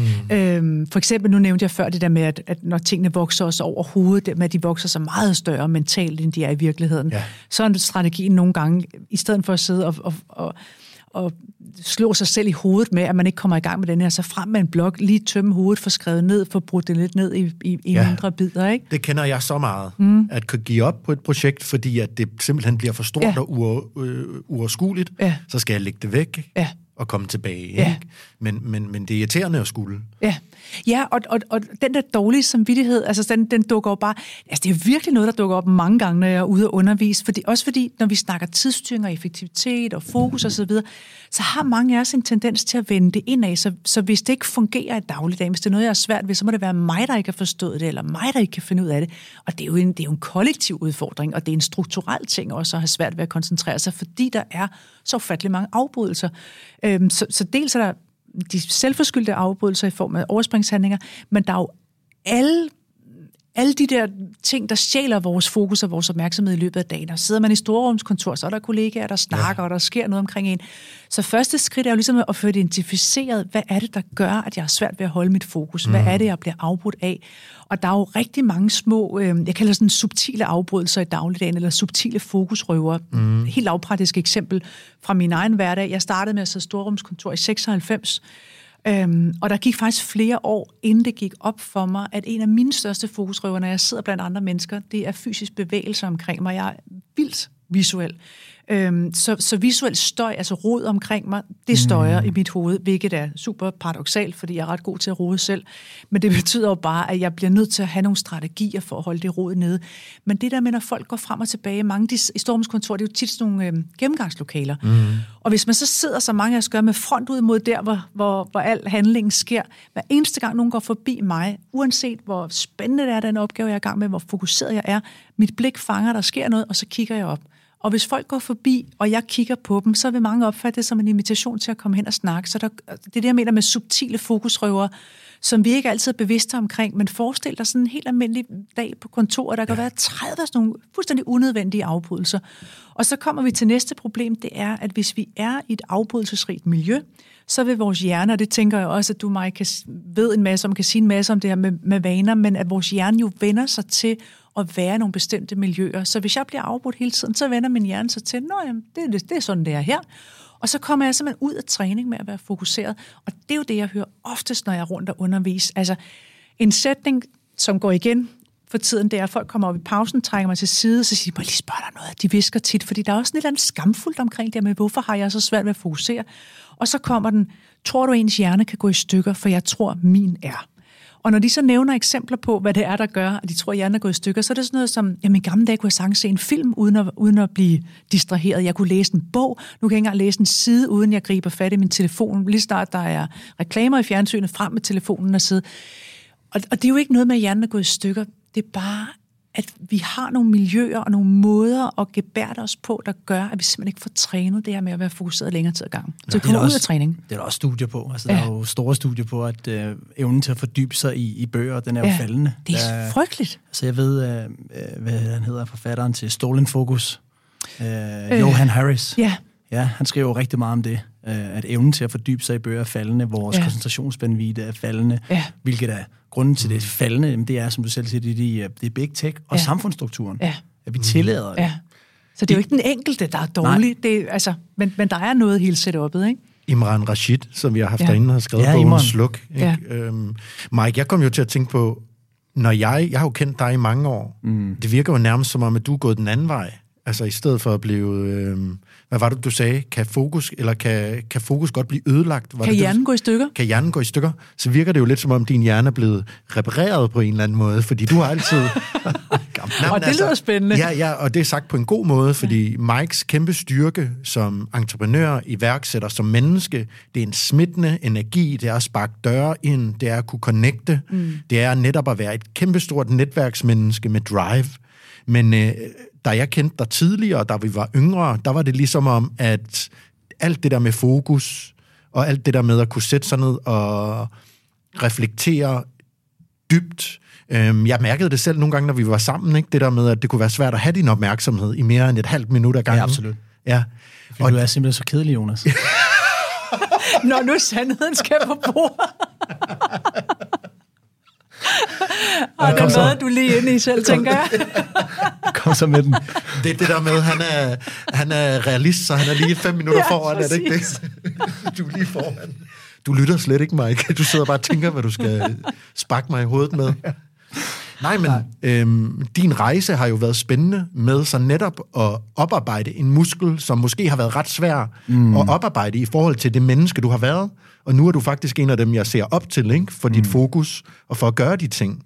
Altså, det må have været ekstra svært for dig, tænker jeg. Jo, men det, det gik op for mig, det var jo, det var jo præcis det, som Trine forklarer, at øh, jeg følte jo ligesom, at min hjerne var gået i stykker. Jeg følte, at mit fokus blev stjålet. Jeg følte, at jeg fik faktisk ikke lavet alle de ting, jeg gerne ville lave. Mm.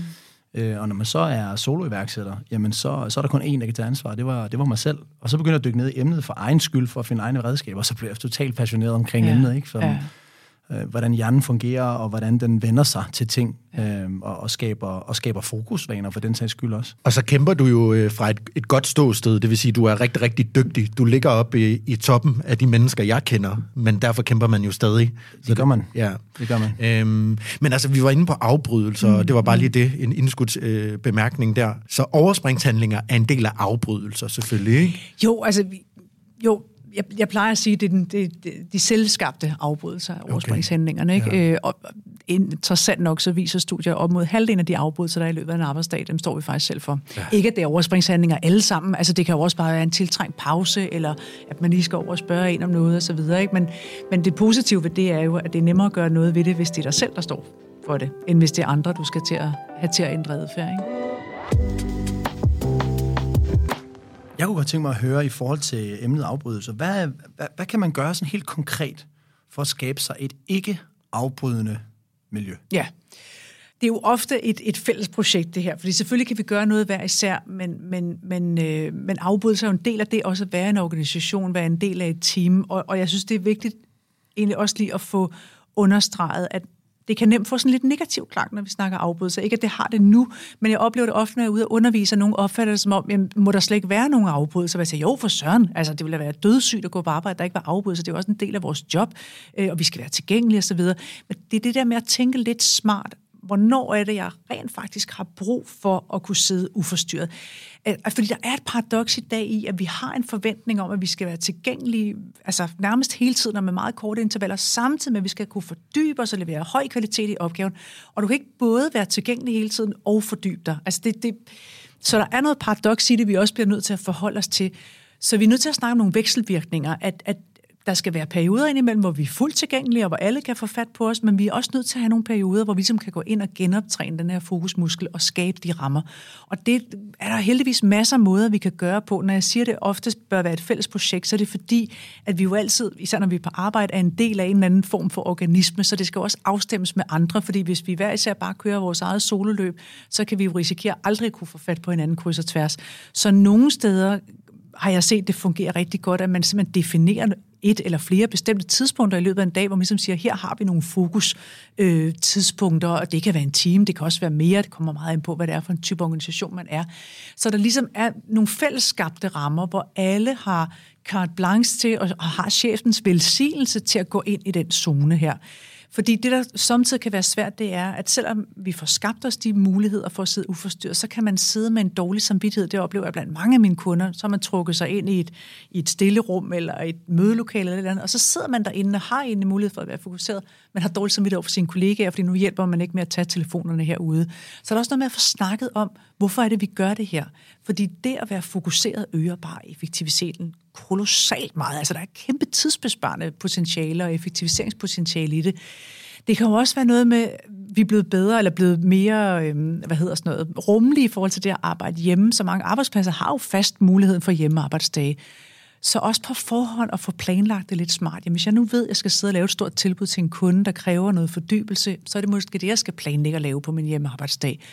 Og nogle gange, så er det altså heller ikke mere kompliceret, end det er lige at sige til kollegaerne, jeg sidder lige den næste time med skyklapper på, og har brug for ikke at blive forstyrret. Ikke? Så det handler jo også om noget kommunikation og forventningsafstemning. Ja. Jeg har... Ja, ja, kom. Ja, må jeg gerne? Yes. Okay, tak.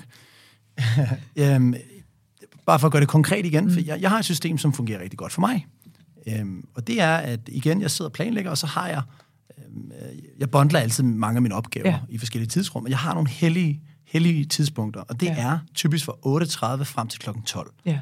Der har jeg kolossal med energi, ja. og kolossal med fokusenergi også. Ja. Det er det, jeg har fundet ud af med mig selv. Og der placerer jeg min fokus ja. arbejdssessions. Det vil sige, at jeg sidder i 90 minutter gange to, nogle gange tre, hvis jeg er god på en dag, men ja. gange to, og jeg fjerner alt omkring mig. Ja. Der er ikke nogen andre browsers, der er ikke nogen telefon. Jeg sidder i et rum, hvor jeg ikke kan blive forstyrret. Altså, jeg, jeg er totalt fokuseret. Ja og så sidder jeg og nørder og fordyber mig og nørder mig igennem opgaven. Og det ja. virker virkelig godt for mig. Faktisk så har jeg fundet ud af, at det virker så godt for mig, at jeg stort set får lavet så meget godt proaktivt arbejde der, mm. jeg kan tage fri resten af dagen. Ja. Altså stort set. Ja.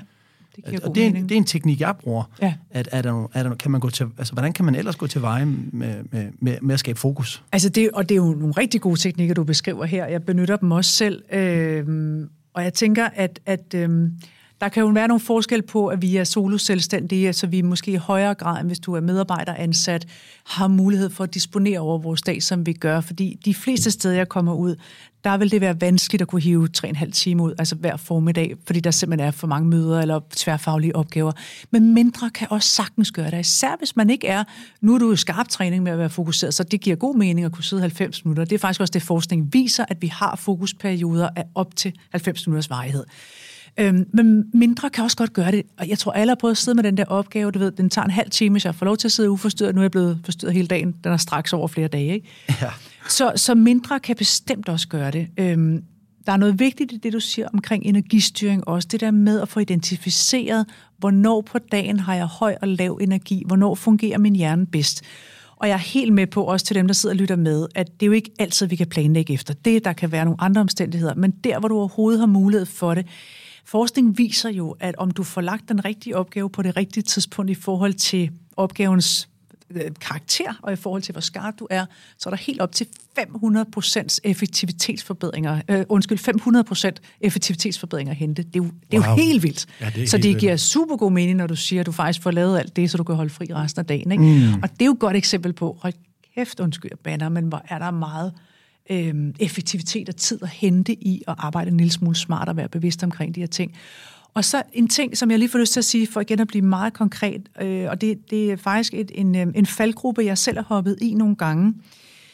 Ofte, og det ser jeg jo hos mange af mine kunder, ofte når vi så skal i gang med sådan en fokusperiode. Lad os nu sige, at vi har fået planlagt nogle tidspunkter i løbet af dagen, der ved, at jeg skal sidde med opgaven så, er der, så kan der ligge sager på bordet, der er kommet mails ind, der er beskeder på telefonsvaren. Og det er jo en del af det at være i et job, det er der hele tiden en løbende opgave. Du bliver aldrig nogensinde færdig, men mange af os har sådan en mental overbevisning om, jeg er nødt til lige at få ordnet alle de der små store ting omkring mig, så jeg er helt klar til den store opgave, jeg har ryddet alt væk. Og det, der desværre sker, det er, at den fokusperiode, vi så er på vej ind i, hvor vi faktisk har muligheden for at være virkelig godt fokuseret, så starter vi med at bruge en del af den på at rydde op, få ting væk, få ting ordnet, ting, som du sagtens kunne lave på et senere tidspunkt, hvor du ikke er skarp i hjernen. Ja. Det vil sige, at du faktisk ødelægger noget af den fede fokustid. Og, og, og jeg opdagede det faktisk ikke, før jeg sad dybt begravet i den der research til fokusbogen, hvor det gik op for mig, det er præcis det, jeg gør selv. Og det var sådan et, et ah, øv og opdag, men også fedt, fordi lige pludselig blev det så tydeligt for mig, da jeg så forskning. Gud, hvor er det egentlig dumt, det her. Ja. Øhm, så få ryddet den misforståelse af ja. vejen. Altså, og, og, og øhm, hun hedder Sahar Youssef, en amerikansk forsker, som har lavet nogle af de der beregninger på, hvor meget tid du kan spare, hvor hun for eksempel siger, læg de, altså de der virkelige udviklingsopgaver, hvor der kræver, der kræver fuld fokus, læg dem, når du er øverst på kurven i forhold til dit mentale fokus. Udviklingsopgaver, siger hun. Og det, det, det vidste jeg faktisk ikke. Det synes jeg var virkelig interessant. Når du, hvis du har været nede i... øh, Altså hvis man forestiller sig sådan vores, vores fokus om øh, vores mentale kapacitet kører sådan nogle bølger. Ups, nu fik jeg lige sparket eller skubbet til mikrofonen. Vores fokus kører nogle bølger. Når du ligger øverst på bølgen, læg udviklingsopgaver her. Når du så ryger ned i bunden, det betyder jo ikke, at du er fuldstændig most øh, øh, på øverste etage, men der kan vi jo lægge nogle af de der lidt rutineprægede mm knap så spændende opgaver, så kan E-mails. du stadigvæk være effektiv. Ja, præcis.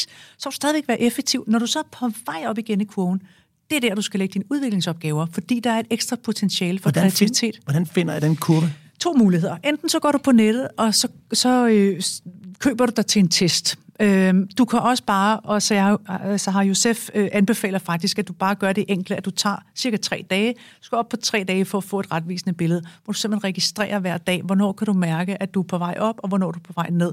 Fordi så får du din egen personlige kurve her. så det behøver ikke at være mere kompliceret. Øh, Sådan. og igen, selvfølgelig kan man ikke altid planlægge efter det her, men kan man bare gøre det i, lad os sige, 25 procent af tilfældene, så er der altså meget at hente, ikke? Fedt. Jeg vil gerne lige opsummere lidt, fordi vi skal til at lukke ned. Øhm, der var så meget andet, vi gerne vil nå. Vi har givet dig nogle spørgsmål, som øh, du, vi, må, vi må simpelthen være, øh, øh, have mere fokus. mere fokus. Øhm, eller også må vi invitere dig ind igen, øh, Trine Kolding. Men jeg vil bare lige opsummere det her med fokus. Mm.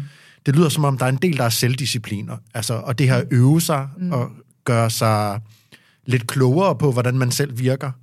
Men en stor takeaway for mig er også, at fokus er noget, man bliver nødt til at in, øh, insistere på mm. over for sine omgivelser. Mm. Øhm, Og træne. ja. Træne. Men det her med, hvis man arbejder et sted, hvis man har familie, hvis man har dit og dat, så er det ens pligt, kan man sige, hvis man gerne vil fokusere mere, og så også at prøve at sørge for at mobilisere, så man kan lægge de her blokke ind. Ja. Altså, der er, der er ikke nogen, der giver dig fokus. Nej. Det er noget, man tager. Ja, absolut. Øhm, jeg så i et af dine foredrag, der skrev du øh, dine vigtigste strategier fra i morgen i forhold til fokus. Mm. Jeg gad godt at lukke ned på den her podcast og sige, hvis man kan give folk nogle vigtigste strategier med, øhm, hvad kunne det så være? Mm, altså, der er to steder, jeg vil starte. Det ene, det var at få identificeret, hvornår er det, det er svært for mig at fokusere. Hvad er det, der stjæler mit fokus? Fordi vi kan gå og have nogle antagelser omkring det, men det er først, når vi begynder, når vi skærper vores fokus, apropos, det er først, når vi begynder at lægge mærke til det, at de her øhm, mønstre og den røde tråd bliver tydelig. Fordi nu var det for mig, der er det meget visuel støj, hvor for andre vil det være noget helt andet. Det kan være auditiv støj eller, eller noget helt tredje. Så det der med først og fremmest at finde ud af at få klarlagt, hvad er det, der støjer for mig? Hvad er det, der forstyrrer mit fokus? Øh, og så vil jeg simpelthen gå i gang med intervaltræning. Altså, og jeg vil starte med små intervaller, fordi de fleste af os er altså temmelig meget ude af træning med at, fokus, øh, med at fokusere. Lidt ligesom hvis man ikke har løbetrænet flere år, så skal man ikke gå ud og starte med en halv maraton. Men at starte med, vi, altså vi er helt nede i måske bare 10-15 minutter ad gangen. Og jeg anbefaler altid, at sæt et stopur, altså brug din telefon, fordi 10-15 minutter, det er tilpas lidt til, at vi kan snyde hjernen til at begynde at fokusere. Fordi vores hjerne vil tænke, at til 15 minutter, det kan jeg sgu godt klare. Det var noget andet, jeg sagde, nu skal du sætte dig ned og være dybt fokuseret halvanden time, så vil de fleste af os blive en lille smule lange i spyttet. Ikke? Specielt hippien. Præcis. Så 10-15 minutter ad gangen. Ej, så længe det om natten. Hvis vi kan bare give ham opgave om natten, så kører alt. Det er øhm, godt med jer. Men ved du hvad, det er, jo, det er jo faktisk også en god pointe at have med det der med, hvis du vil i gang med at træne, start med små intervaller, og så start med noget, du synes er spændende. Fordi ja. vi har altid nemmere ved at fokusere noget spændende. Det er jo også derfor, vi laver overspringshandlinger, det er, når vi synes noget er kedeligt, blandt andet. Så, så intervaltræning, øhm, og gøre det med nogle spændende ting, så du er motiveret. Man skaber en masse små succeser, og det tænker jeg også mig, du ved alt om, når man skal have folk til at ændre vaner, at succes avler bare succes. Mm. Og så får jeg lyst til lige at dele en lille personlig ting, som er en lille smule pinlig, men som jeg tror vil kunne hjælpe rigtig mange i det her, fordi da jeg skrev bogen, gik det op for mig, jeg, jeg var i gang med et kapitel omkring digitale distraktioner, og jeg sad og pussede min glorie, det vil jeg godt være ærlig at sige, fordi jeg er ikke særlig meget på sociale medier. Jeg har været det, jeg har hoppet ud af det, jeg er lidt på LinkedIn, og det andet siger mig ikke så meget. Så jeg tænkte, godt, jeg ikke har sådan nogle problemer. Indtil jeg nåede til den del researchen, hvor det gik op for mig, at øh, der er en sladderhang på min telefon, hvor jeg faktisk kan gå ind og se præcis, hvor meget tid jeg bruger på at være online hver eneste dag, og jeg kan også se, hvilke apps jeg er på, og hvilke hjemmesider. Og, der, øhm, og, og grunden til, at jeg overhovedet kom derind, det var, fordi min mand sagde til mig en aften, jeg sad med min telefon, så siger han, hold kæft, hvor du sidder og zombie-scroller. Og jeg har ikke hørt det der udtryk før, men zombie-scrolling, det er jo, når man sidder helt formålsløst og planløst og bare scroller løs på alle mulige insta og så videre. Og jeg blev vildt sur. Og jeg rejste mig op og skældte ham ud over, at han skulle overhovedet ikke blande sig i min måde at bruge. Jeg brugte min telefon på, og zombie-scrolling, og hvad, hvad, hvad, hvad, og han skulle da nødt tale. Og så marcherede jeg ud i stuen. Og det ved jeg ikke, om I kender, men nogle gange, når man har måske sådan lidt overdrevet reaktion på noget, så er det der, hvor man lige skal vende blikket ind og tænke, hvorfor blev jeg så sur? Klart. Ja. Og så gik det jo op for mig, at det var nok, fordi jeg havde et lille problem med det, og så var jeg inde og kigge på den der, øh, øh, hvad hedder det, slæderhang der, og blev faktisk en lille smule skamfuld over, hvor ufattelig meget tid jeg bruger på at sidde og scrolle nyheder. Jeg er simpelthen en nyhedsjunkie. Mm. Og grunden til, at det er en lille smule skamfuld, det er fordi, ja, jeg går på DR, og jeg går på TV2 og andre lødige medier, men jeg har også nogle knap så lødige nyhedsmedier, som fyldt rigtig meget. Ekstrabladet, BT ja. og Se og Hør. Du vil gerne se, der er en bus med børn, der er væltet i Spanien. Det kan give et eller andet. Altså, det kan det jo. Ah, men det er jo simpelthen så åndssvagt. Ja. Og da det gik op for mig, så tænkte jeg, nu må du bare tage dig sammen. Ja. Så jeg tænkte, nu er det en kold tyrker. Så jeg besluttede mig for, at nu skal jeg bare igen og kigge på de her sider. Det, der gik fire timer, så sad jeg og scrollede igen. Ja. Og så tænkte jeg, nu tager jeg mig sammen igen, og sådan gik det i flere dage. Og det endte med, til sidst måtte jeg bare kende, jeg kan simpelthen ikke styre det her. Og jeg siger det, fordi jeg ved, jeg er jo ikke den eneste. Mm. Så jeg fik øh, en af mine drenge til at finde en øh, app, øh, den hedder Stay Focused. Mm. Øhm, en app, som jeg, den findes ikke til iPhone, der findes sikkert nogle andre, jeg ved bare ikke, hvad de hedder. Men det er sådan en app, du kan installere, og så kan du blokere for adgang. OneSec. En app, som hedder OneSec. OneSec, ja. fedt. Nå, så har vi både Stay Focused og OneSec. Så kan du blokere til bestemte hjemmesider, til apps osv. Så, videre. så når jeg nogle gange er vandvarer lige glemmer det og kommer til at trykke på et eller andet, så kommer der sådan et stort billede frem, hvor der står, oh. Stay Focused. Jamen, det er sådan en meget inciterende, sådan stay mm. focused uh, on your happiness and your goals, and don't waste your time on anything, bla bla bla. Okay. Og så bliver jeg lige mindet om det, og det, der er interessant, det er både, at jeg sparede, og det er jo virkelig pinligt det her, men jeg sparede faktisk halvanden time hver dag, efter jeg installerede den her app, men det jeg også fandt ud af, det var, det gjorde underværker for mit humør, fordi det er ikke særlig fede, positive nyheder, der er på de her nyhedssites. Det er jo sjældent, man sidder og scroller der bagefter og tænker, gud, hvor var det lækkert, lad mig tage en time mere. Ikke?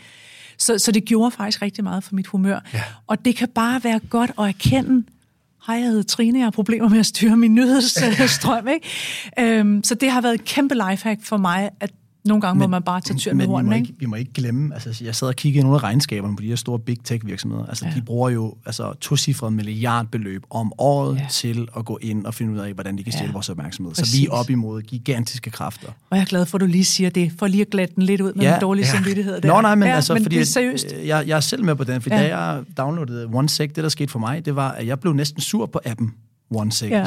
nu vil jeg, lad nu være, jeg vil ind, jeg ja. nu vil jeg ind på den her app. Ja. Hvor jeg så indså, Gud, hvor er jeg afhængig. Ja.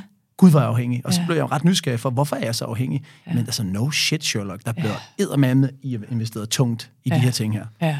Øhm, så. Og det er jeg faktisk glad for, at vi lige får med her, fordi jeg ved, at der er masser af andre, der har det på samme ja. måde. Og nogle gange er det bare rart at vide, at man er ikke alene, det er ikke pinligt. Altså, det, jeg er bare op imod noget, der er større end mig selv, og så må jeg have noget, der hjælper mig på vejen. Ikke? Ja. ja. Og øh, når du gør det, Trine, så må vi andre også, kan man sige. Lad os gøre det sammen. Trine Kolding, jeg vil sige tusind tak, fordi at, øh, du vil være med her i dag. Øhm, ja. Det er vi glade for, ikke Mike? Og tak fordi, at du øh, gad at dele ud omkring dine tips og dine tricks. Der er selvfølgelig så mange flere, som vi kunne dykke ned i, men det, har, det når vi ikke i dag. Så, øh, så stort tak, Trine. Tak fordi jeg måtte komme.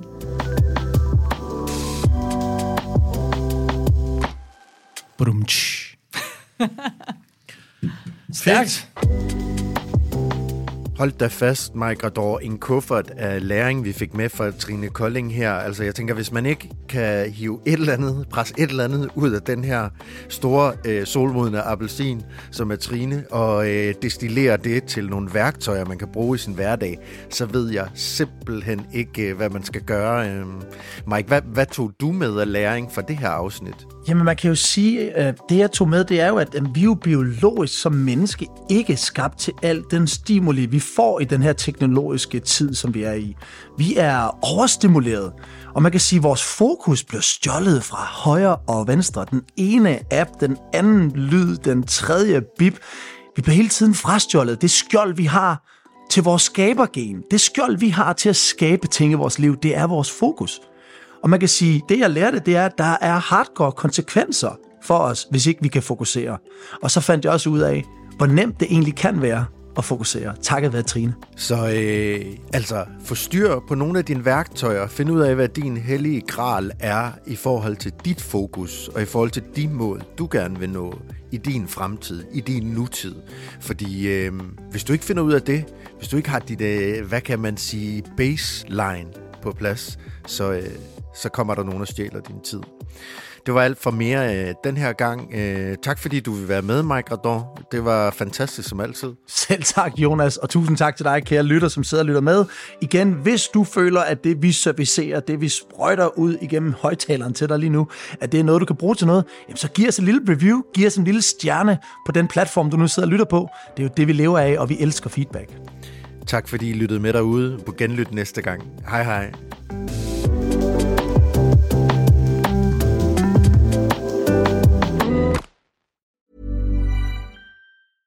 Ever catch yourself eating the same flavorless dinner three days in a row? Dreaming of something better? Well, HelloFresh is your guilt-free dream come true, baby. It's me, Kiki Palmer. Let's wake up those taste buds with hot, juicy pecan-crusted chicken or garlic butter shrimp scampi. Mm. Hello Fresh. Stop dreaming of all the delicious possibilities and dig in at HelloFresh.com.